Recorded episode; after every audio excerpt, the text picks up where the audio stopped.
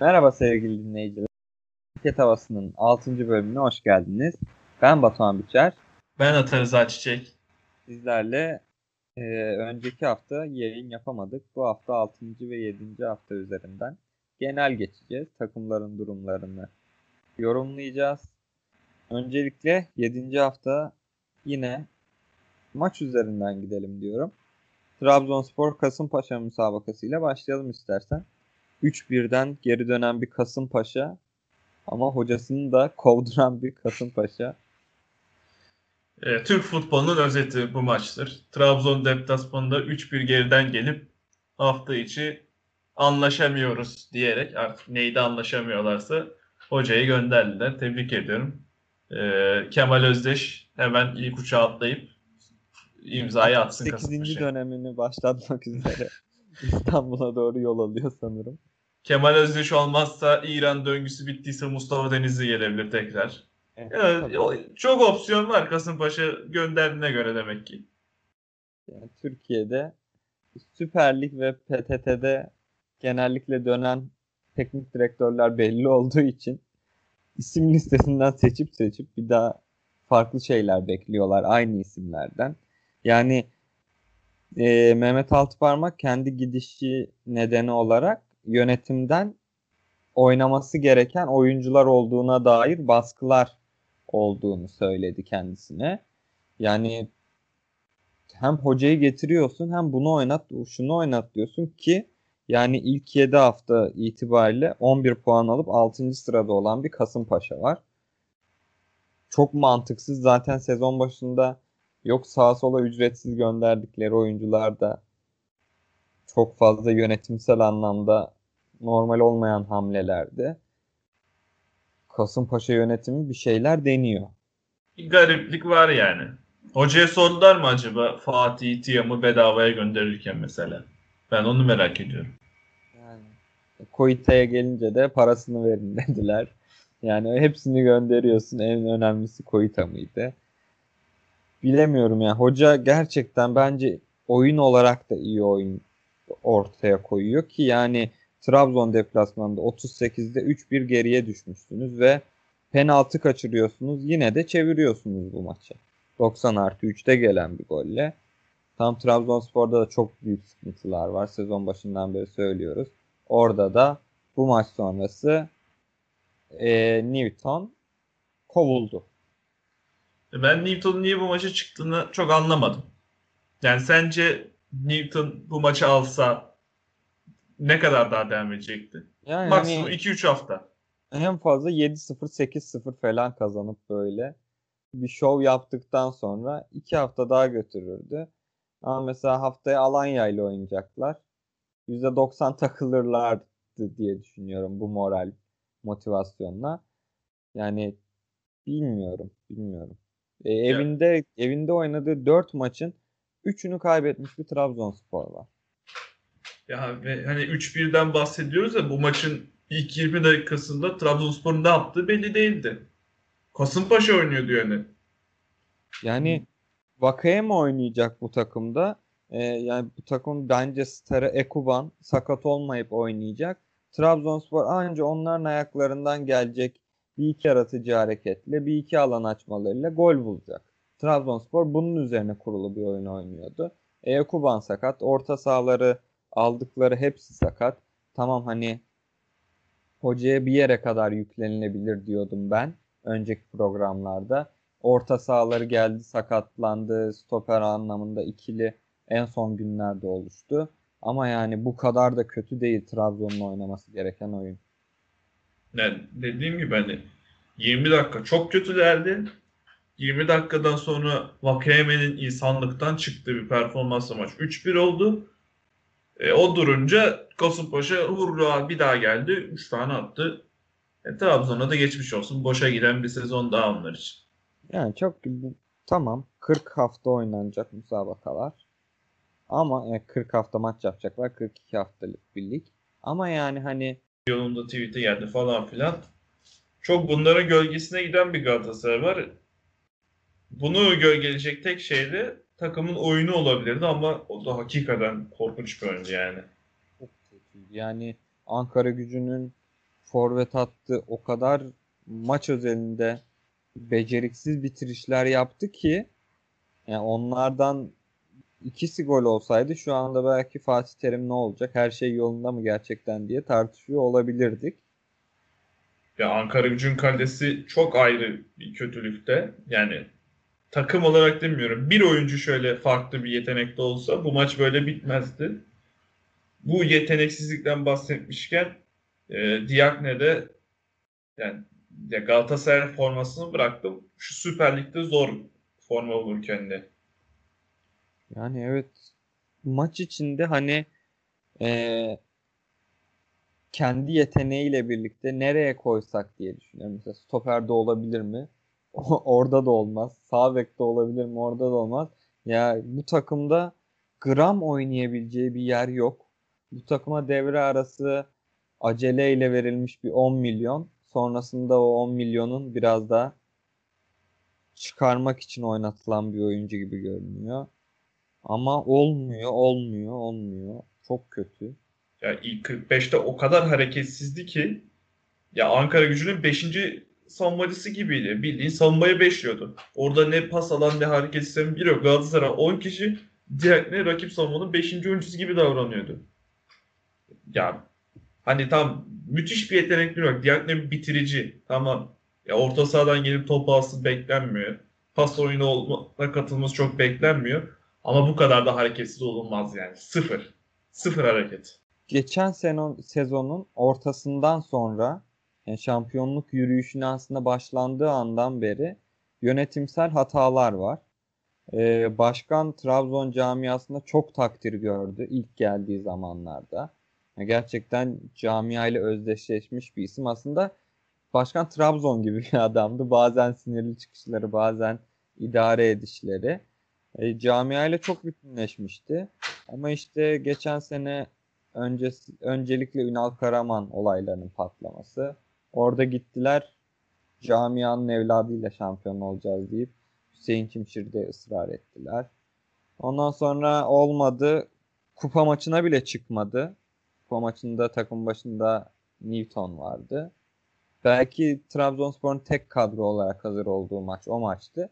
O maçta şampiyonluğu getirdi ama ondan sonra Newton'la devam etme isteği doğru muydu tartışılır. Hüseyin Cimşir doğru muydu tartışılır. E şimdi Newton gönderildi yerine gelecek isimler Abdullah Avcı olmadı deniyor. Tamer Tuna mı olacak? Bilemiyoruz. Yani başkan çok iyi başladığı bir yolda tüm kredisini artık sonuna geldi. Bitirmek üzere. Bakalım Trabzon'u gelecek çok iyi gözükmüyor. Sezon çok kötü başladılar. Haftaya da bu sezonun en iyi isimlerinden takımlarını Alanya ile oynayacaklar deplasmanda. Yine işleri zor. Belki milli takım arasında hocayı getirip biraz da taktik olarak oturtabilirlerse Erzurum maçıyla fikstürleri biraz daha iyi gibi görünüyor. E, milli dönüş arası Trabzonspor yeni hedefler belirlemek adına bir şeyler oturtabilir diye düşünüyorum.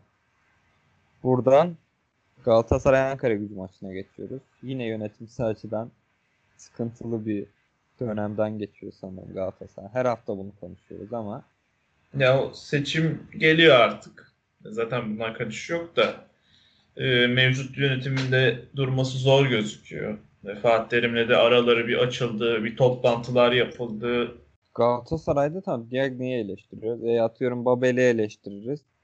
Yani yine Etebo'nun oyunu belki eleştiririz. Ama yani Galatasaray'da takım olarak ben oturup da Aa, bu akşam Galatasaray maçı var dediğimde gram heyecanlanmıyorum. Oynayacağı oyun bir iki tık belli benim gözümde. Ankara gücünden bile ne çıkacak, ne yapacaklar diye bekliyorum. Gerçekten kendi adıma mesela bu maç özelinde. Bakalım Ankara gücü bu akşam ne yapabilecek diye düşündüm. Ama Galatasaray'ın oynayacağı oyunu o kadar hani aklımda kestirmiştim ki ve o tarzda o kadar heyecansız, isteksiz bir Galatasaray vardı. Tamam şu anda sıralamada üçüncüler ama üçüncülüğü hak ediyorlar mı bilmiyorum. Puan olarak hak ediyorlarsa oradalar demek ki ama oyun olarak ben ilk üçe yazmam kesinlikle. Oyun olarak kötü. E, Galatasaray'ın oyunun iyi oynaması için iyi olması için bazı temel isimler var. Bunlardan biri Saratçı. Yeni kim oynarsa oynasın Galatasaray o tempoyu alamıyor bekten. Biri Belhanda. Oynamak istediği zaman nasıl oynattığı bu takımı da çok varis. Diğeri de Feguli. Bu üç oyuncunun bir şekilde Galatasaray'da iyi oynaması lazım. Saratçı sakatlandığı için çok oynayamıyor. Belhanda, Feguli zaten sorunlu tipler. Bu üç isimden biri bile olmayınca oyun inanılmaz düşüyor. Bu üç ismin iyi olduğu ilk iki maçlarda Galatasaray hem oyun olarak tatmin etmişti hem de 3 puanları alıyordu. Ama biri bile olmayınca takım gitmeye başladı ki e, bu kadar soru işareti 3 isimle nereye gidecek çok emin değilim. Yani Saratçı çıktı, sakatlandı çıktı sanırım.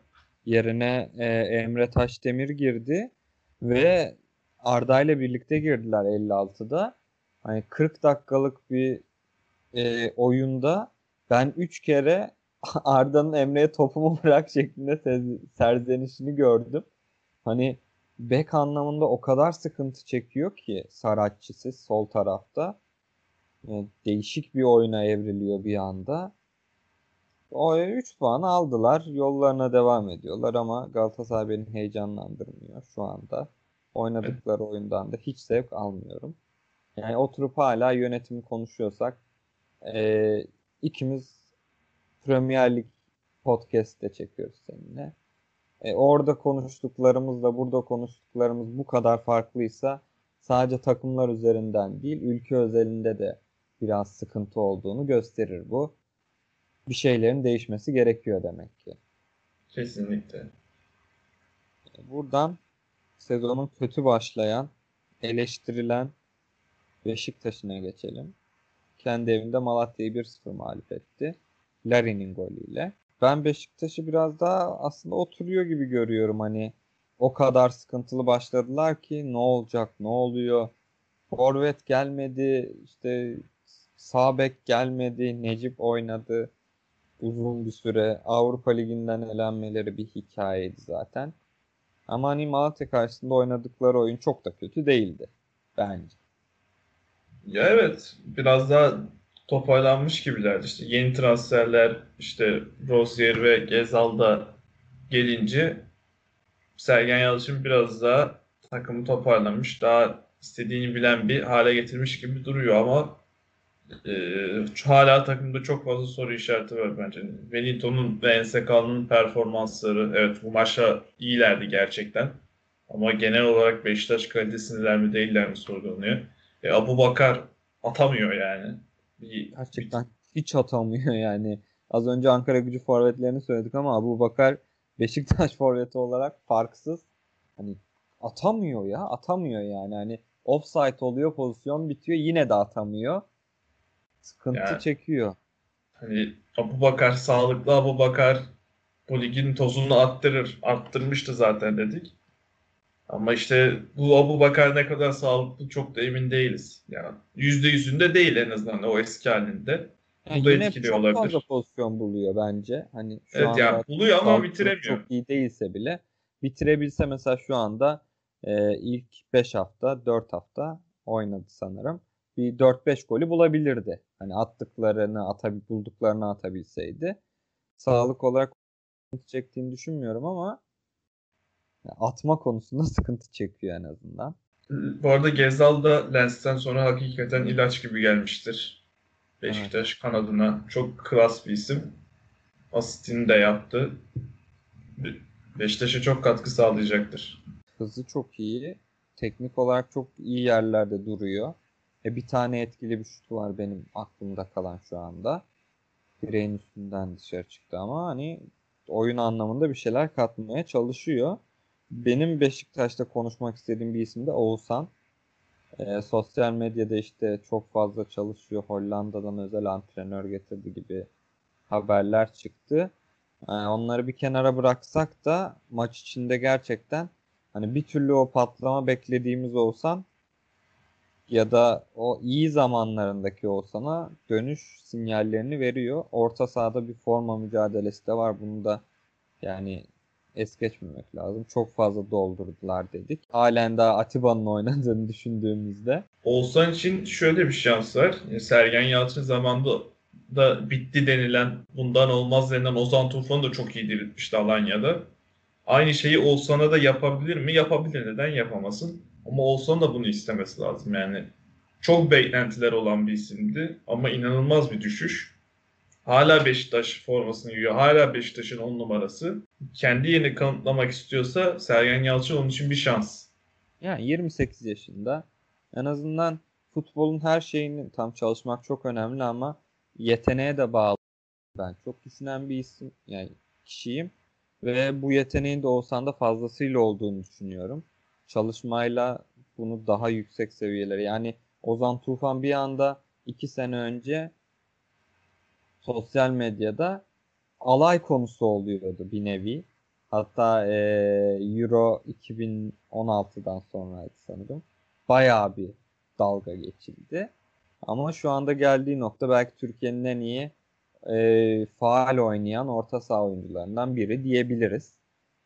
Yani yanındaki partnerini de iyi bulduktan sonra, sisteme iyi oturduktan sonra çok farklı şeyler verebiliyor futbolcular. Oğuzhan'ın da iyi olmasını isteriz tabii ki. Senenin transfer şampiyonu ve yoluna gümbür gümbür giden namalup Fenerbahçe Antalya Spor deplasmanından 2-1'lik galibiyetle döndü. Ve Perotti'nin golüydü. Evet yani sakatlık sıkıntısı çok fazla çekeceğini söylediler Perotti'nin.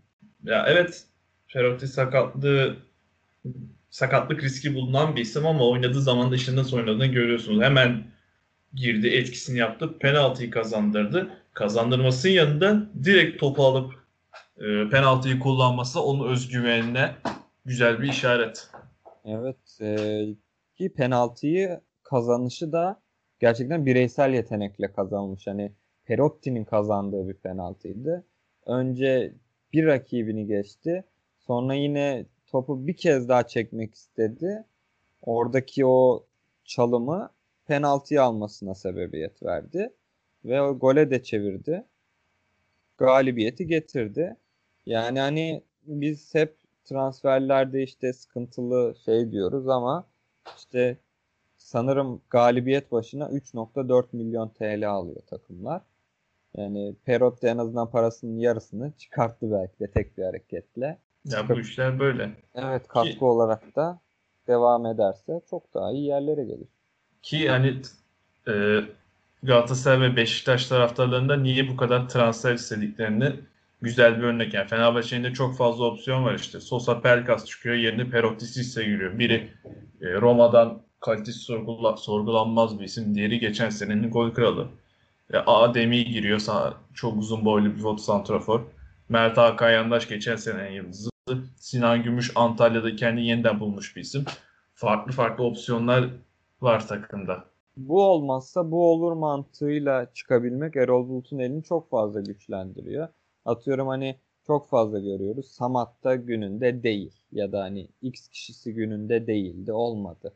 Ya bu Bakar çok kaçırıyor diyoruz. Belki mesela Sergen Hoca'nın da elinde çıkınca yani oyuna girince Abu Bakar'dan daha az iş yapmayacak biri olsa çok farklı olur. Eli güçlenir. Erol Bulut en azından bunun güvencesiyle oynuyor. Yani oyuncularına da hep müddet veriyor. Mesela e, 62'ye kadar oyuncu değiştirmedi. Hani devre arasında belki e, 10 kişi kaldıktan sonra Antalya Spor bir değişiklik gelebilirdi. Ama golü yedikten sonra bile 10 dakika daha bekledi. Oyuncuların oturmasını bekledi. Sonra değişiklikler, sonra da gol geldi zaten. Ki değişiklik konusunda da ilk haftalara göre çok geliştirdi kendi. Mesela geçen hafta Sosa iyi değilken, net bir şekilde yürürken direkt 45'te onu çıkardı. E, bu maçta da doğru değişiklikler yaptı. Bence Erol Bulut Fenerbahçe ile birlikte Erol Bulut da gelişiyor her hafta. Halen daha e, duran toplardan gol bulmaya çok yaklaşıyor. E, taç organizasyonları daha yaptığı söyleniyor antrenmanlarda. Bunlar ona da takıma da artı yazacak şeyler tabii ki. E tabii Antalya Spor'da hocasız çıktı bu maça. Onlar da Tamer Tuna ile Başakşehir mağlubiyet sonrası yollarını ayırdılar. Yani şart mıydı? Yani bu maçta da çıkılabilirdi bence Tamer Tuna'yla. Evet hani e, Denizli maçından sonra belirgin bir düşüş vardı takımda. Doğru. E, ama hocasız çıkmak da çok doğru bir hamle gibi gelmedi bana. Yani ilk 3 haftada 7 puan getiren de bu hoca. Diğer 3 haftada 1 puan getiren de bu hoca. Zaman yani her şey zaman aslında ama Ya olabilir yani. Başakşehir'e kaybedebilirsin. Yükselişe geçen. Geçen sene şampiyonu. Antep'le berabere kaldın. E, Antep'te bu sezon işte son dakika golleriyle vesaire sürpriz yapabilen bir takımdı. Onun dışında yeni Malatya'ya yenilmiştin. E, olabilir. Ama sezonun sonuçta Beşiktaş'la berabere kalıp Gençler Birliği Denizli yenerek girmiştin. Yani 3 maçta bilet kesilmesi bilmiyorum. Arkasında belki başka şeyler vardı. Belki Tamer Tuna Trabzon'a gidiyordur. Belki Antalyaspor Ba- Abdullah Avcı ile anlaşmaya çalışıyordur vesaire vesaire. Ama bu hoca değişim rüzgarından ben hoşnut değilim. evet yani o kadar o kadar değişiyor ki. Can sıkıcı en azından. Buradan toparlanmaya başlayan Başakşehir'e bir bakalım istersen. Şampiyonlar Ligi'nde mağlubiyetlerini almaya devam ediyor biz programı yaparken. Leipzig'e 2-0, kendi evinde de Paris Saint-Germain'e 2-0 yenildiler. Ama mesela hani kötü oyun o- ortaya koyduklarını kesinlikle düşünmüyorum. E, ligde de telafi ediyorlar. Hafta içi o maçlara çıkmalarına rağmen. Ligde de son 3 maçta 3 galibiyetle devam ediyorlar Konyaspor maçı. Ya kendilerini buldular. Yani bu çok net. Yani bir şekilde bulacaklarını düşünüyorduk zaten. Ne zaman bulacakları önemliydi ya da Visca'nın aklına ne zaman geleceği önemliydi. E, Trabzon maçıyla geldi. Ha, Şampiyonlar Ligi'nde iki mağlubiyet aldılar. Ama Leipzig karşısında olabilecek en deplasmanı, en iyi deplasman oyunu oynadılar. E, Paris Saint-Germain maçında fırsatları yakaladılar, atamadılar. İşte Paris Saint-Germain iki golle bitirdi işi. Hala daha bu yarışta olduğunu, o kadar çabuk dağılmayacağını bence güzel gösterdiler. Bu da güzel bir mentalite. Yani hızlı reaksiyon verdiler. İlk 3 hafta 3 mağlubiyetti. Ondan sonra beraber e, Göztepe ile golsüz berabere kaldı. Hani ilk 4 hafta gol bulamamışlardı. Seninle bunu konuşuyorduk. Ama Trabzonspor, Antalyaspor galibiyetiyle kentlerine gelip Konya maçıyla da aslında bizim alışık olduğumuz yaklaşık 2-3 senedir oynayan Başakşehir tarafına doğru döndüler. Sevindirici. Yani iyi de e, göze hoş gelen oyun oynamaları da biz futbol severler, izleyiciler adına hoş diyorum. E, haftanın güzel bir müsabakası Karagümrük Erzurumspor 5-1. Karagümrük de oyun olarak iniş çıkış gösteriyor. Mağlup da oluyor. Domine ettiler maçı yani. Net bir galibiyet. Çok net bir galibiyet. Ee, Erzurum'da ya bazı maçlarda hani direkt ya bu takım küme düşer abi havası var. Ya bazen de ya bunlar iyi toparlanmışlar. iyi bir hücum hattı var diyorsun. Çok karar veremiyorum Erzurum'la alakalı. Ya hücum hattı çok güzel. Çok geniş bir hücum hattı. Ama savunma konusu biraz sıkıntılı gibi. Orayı toparlamazlarsa e, sıkıntıya iş ciddiye binebilir kümeye düşme konusunda. Bence Erzurum'da baş sıkıntı eee, tamam hani 3 senedir Malatya'da oynayan Mina. Onu transfer ettiler ama ben Mina'yı yani Malatyaspor'dan hatırladığım kadarıyla hani eee, eğer ki yaslanarak oynuyorsa takım gerçekten hani adam tutma, marke etme açısından sıkıntı yok. Ama e, kazanmak üzerine, baskı üzerine çıktığı bir maçta arka taraflarda çok fazla alan bırakıp çok fazla adam kaçıran bir isim. Stoperdeki ikisi, ikilisi de daha alışamadılar belki. Zaten dakika 33'te Hasan Atipoğlu'yla değiştirdi Mehmet Özdilek. 2-0'dan sonra. Ama Erzurum ilk başlarda övdüğümüz bir takımdı. Geçen seneki kadronun üzerine mantıklı transferler yapılarak aslında çok da bozulmaması gerektiğini söyledik. Ama büyüyü alamamaya başlayınca işler değişecektir kesinlikle. Yani Arnavutluk milli takımından Arman Sadıku'yu aldılar. Geçen sene Malaga'da oynamış bir oyuncu. Ama ondan yararlanmıyorlar. Tabii antrenmandaki performansı nedir bilemeyiz ama Yani transferlerden fayda görmeleri gerekiyor. Haftanın takımı olarak haftanın enlerine geçelim istersen. Kasımpaşa. Geçelim. Haftanın olayı da o. Evet. Haftanın olayı da Kasımpaşa. Mehmet 3-1'den Hoca'nın kovulması ya da takımdan gönderilmesi.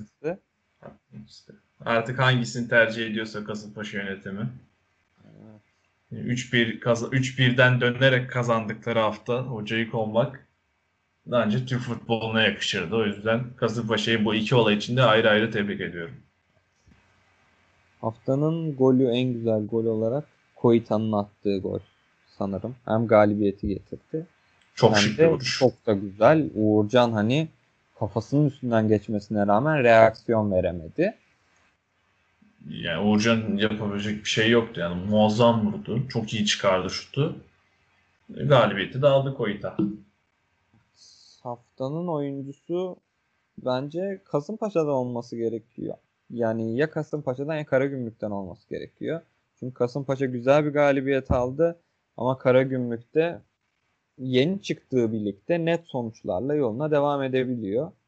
Bu yüzden Erik Sabo belki olabilir. Enda olabilir. Oyuna katkı olarak katkı Vaka. Vakayeme'yi de unutmamak lazım. Yani Trabzon'un 3 golünde de parmağı var. Nisan üstü performans. Ama galibiyete yetmedi.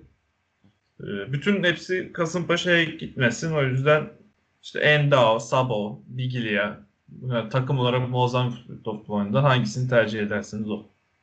Evet. Hayal kırıklığı olarak da İzmir depremini söyleyelim. Evet maalesef. Oldukça üzen bir olay oldu hafta içinde. Orada yitirilen canlara mekan cennet olsun diyoruz. Kesin. Allah rahmet eylesin. da en yakın zamanda sağlık diliyoruz. Deprem ülkesiyiz ama hala depremlerde çok fazla kişi kaybediyoruz. Bir kez daha deprem değil, dikkatsizlik öldürdü maalesef. Tedbirsizlik öldürdü. Yanlış söyledim. Burada programımıza son veriyoruz. Bütün ülkeye geçmiş olsun diyoruz. Geçmiş Haftaya olsun. görüşmek üzere. İyi günler. İyi günler.